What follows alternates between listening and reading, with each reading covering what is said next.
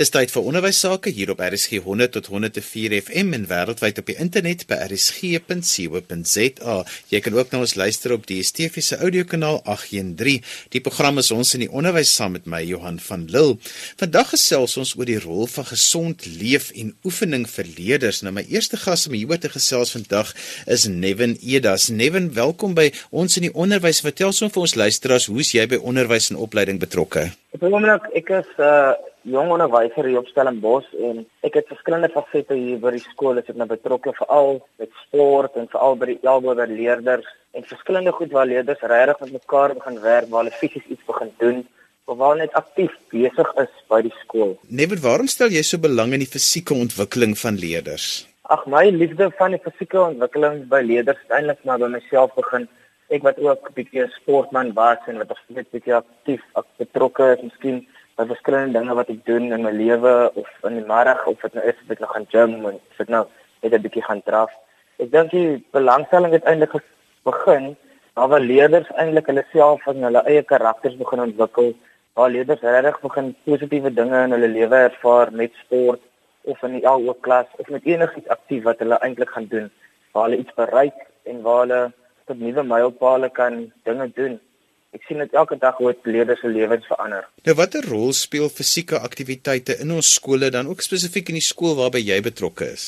Op die oomblik ek ervaar dit elke dag by die skool. Daar's so baie kinders by die skool eintlik wat besig is met aktiewe sport en goed en verskillende aktiwiteite by die skool, maar waar die elke klas 'n groot rol het is waar ek sien waar die kinders wat minder aktiewe dinge doen by die skool en in 'n veral in 'n gebied so Stellenbosch waar is baie kunstige en mense het en mense wat lief is vir kultuur. Waar leerders se regtig aktief betrokke is in sport en dan kom die ouer klas. Dan kan ek sien hierdie ouer klas maak 'n nuwe lewe vir hulle oop. Dit bou vir hulle nuwe karakters. Hulle ontmoet nuwe vriende.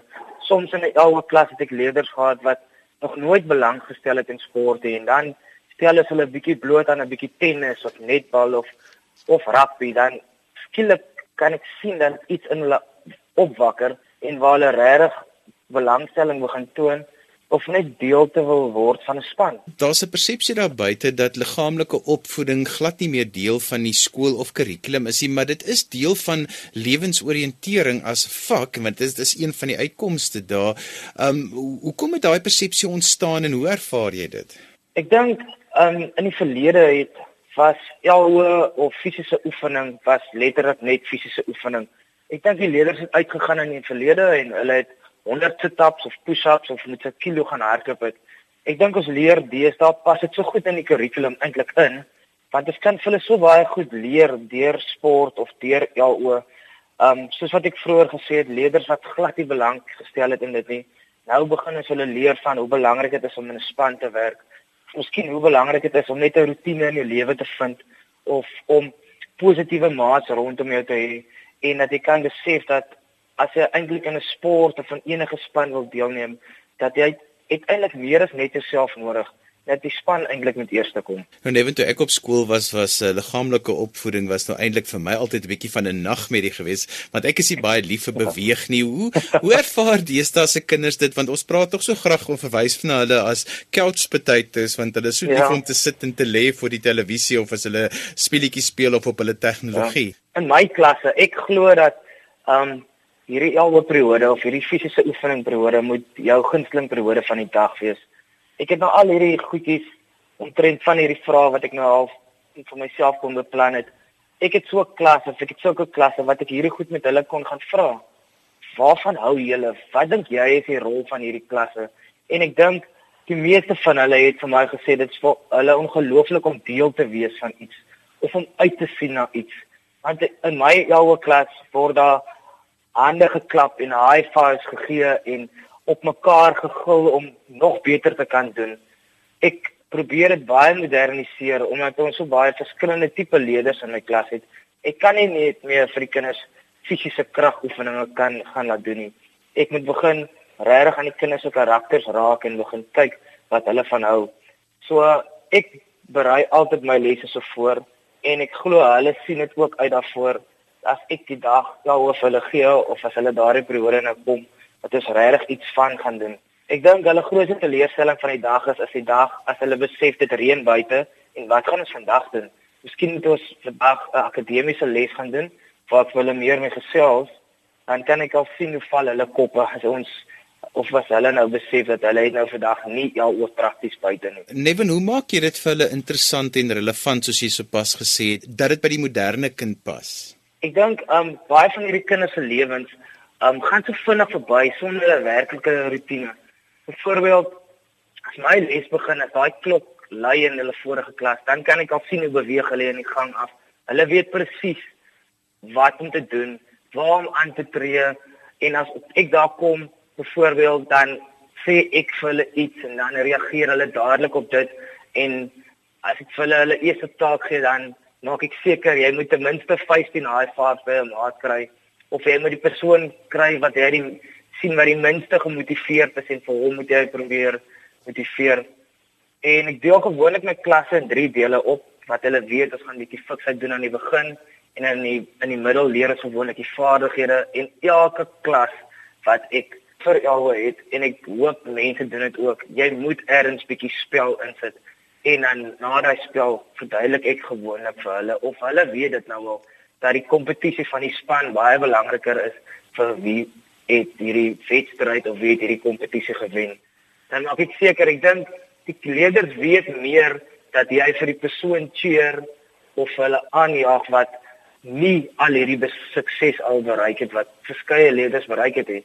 So ek dink vir die persoon wat ek sien wat die meester geniet of vir wie hulle nou sien, vir hulle gee is die grootste high five vir hulle gee is die grootste aanmoediging. Neven, watter rol speel jou klasse in die ontwikkeling van sportvaardighede binne 'n skool want daar's soveel skole vir wie sport nog so belangrik is en hulle verwag seker in 'n mate van die liggaamlike opvoedingsklasse om basiese vaardighede te ontwikkel by die leerders. Dit is um ek stem definitief daarby saam. Dit, dit is so goed dat 'n onderwyser wat nog steeds vir leerders akademies in die klas ook klas gee, eintlik fisies nog vir leerders daaroor buite gee.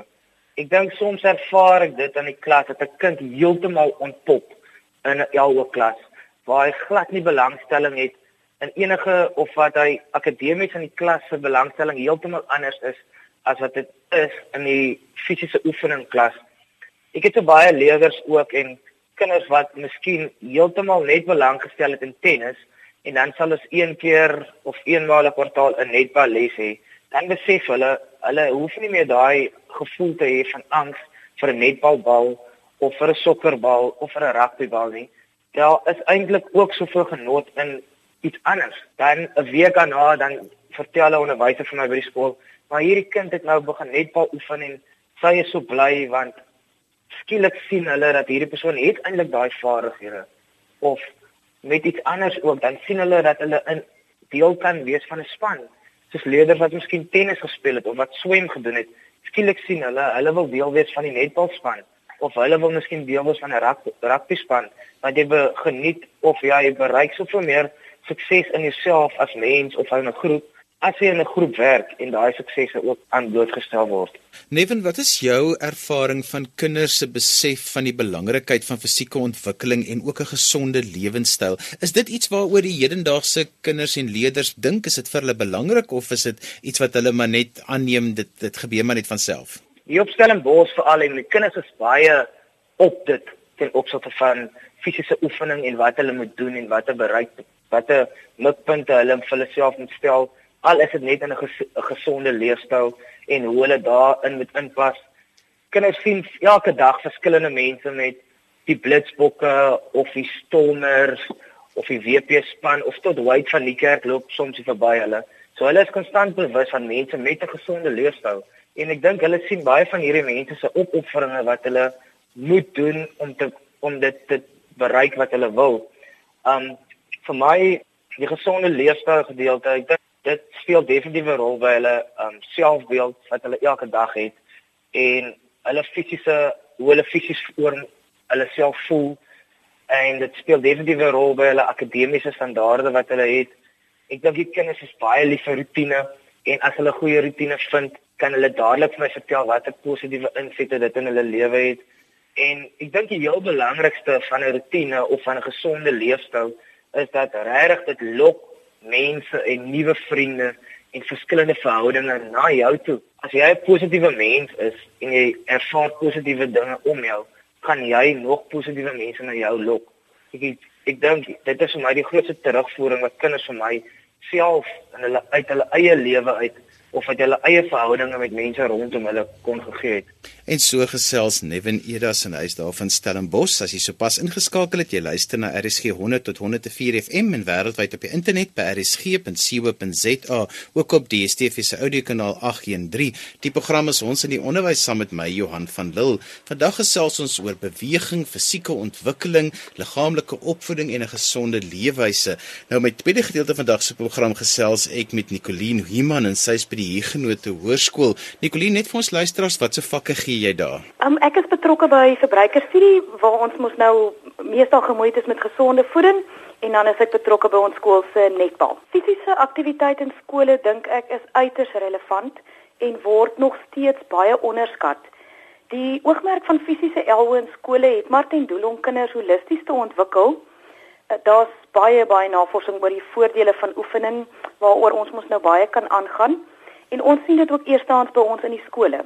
By genote is dit by ons redelike prioriteit dat die kinders nog liggaamlik moet beweeg, maar ek dink ook die meeste skole sou meer kon doen om onaktiewe leerders meer aan die beweeg te kry. Geforseerde elwe soos wat ons dit maar nog op hierdie stadium doen in 'n groep is ook nie noodwendig die antwoord nie. Maar dit is baie belangrik eerder dat ons by kinders benadruk hoe belangrik dit is om op 'n manier te beweeg. Ek het 'n interessante navorsing gelees wat gesê het kinders kan nie vir meer as 'n uur onaktief wees nie. Dit is nie vir hulle goed nie. En om in 'n skoolbank te sit en jou brein te gebruik is om onaktief te wees. Selfs as kinders legkaarte bou of blokkies bou, word beskou as onaktief. So mens moet probeer om elke uur aan die gang te bly. Ehm um, en dit is eintlik mos maar wêreldwye probleem wat ons sien by mense is 'n sedentêre lewenstyl, ook by volwassenes en dit veroorsaak ook dat ons jonger kinders baie min beweeg. So dis baie belangrik dat ons terugkom by beweeg, kort sessies. Dit hoef nie noodwendig formele sport te wees nie. Ek dink skole moet selfs aanvanklik wegbeweeg van die idee dat ons kinders aan kodes laat deelneem. Ehm um, want dit begin baie vroeg op 6 of 7 reeds vir kinders leer van al die kodes. Dan dink ons ons doen goed om hulle aan al die kodes bloot te stel, maar eintlik moet ons fokus op spesifieke vaardighede. Um, besluitneme, periferale visie, reaksies, balans, voetwerk al daai tipe van vaardighede want dit kan jy inspann in enige kode, maar ons gebruik dit te min as 'n grondslag. As 'n mens kyk na hoe dit weer vir die kinders skolasties kan help, dan sien ons dat dit help met beter konsentrasie in 'n klas. 'n Kind kan beter sy postuur behou om te kan sit in 'n skoolbank. Ehm um, ons sien selfs dat kinders wat geneig is tot hiperaktiewe of impulsiewe gedrag goed reageer as hulle net elke nou en dan 'n fisiese breek kry. Bietjie opstaan, bietjie asemhaal, ergens heen beweeg, selfs 'n yoga oefening in 'n klas doen na 'n paar minute, dan dan help dit om daai impulsiewe gedrag te verbeter. En dan het ek um, ook gesien is daar navorsing wat sê dat kinders wat aktief is of wat fiks is, is geneig eh, persentasie gewys om skolasties beter te vaar omdat die die witstof van die brein net meer gekompakteer is en die senuverbindings net baie meer aktief is help dit hulle ook om skolasties meer te vorder. So die voordele is geweldig. Ek weet die laerskole is baie bewus van die voordele van beweging vir leerders maar dit voel baie keer vir my of die hoërskole nie eintlik dink dit is so 'n prioriteit by leerders se ontwikkeling nie want hulle dink op daardie stadium is beweging eintlik hoe die brein kan bedraad word deur beweging eintlik al verby Ja, en eintlik is dit glad nie so nie, nê. En en daar's soveel ander goed wat fisiese aktiwiteit wel kan verbeter. Ons sien by hoërskool dat hulle mos nou baie meer emosionele probleme ontwikkel en baie meer onseker is oor hulle self.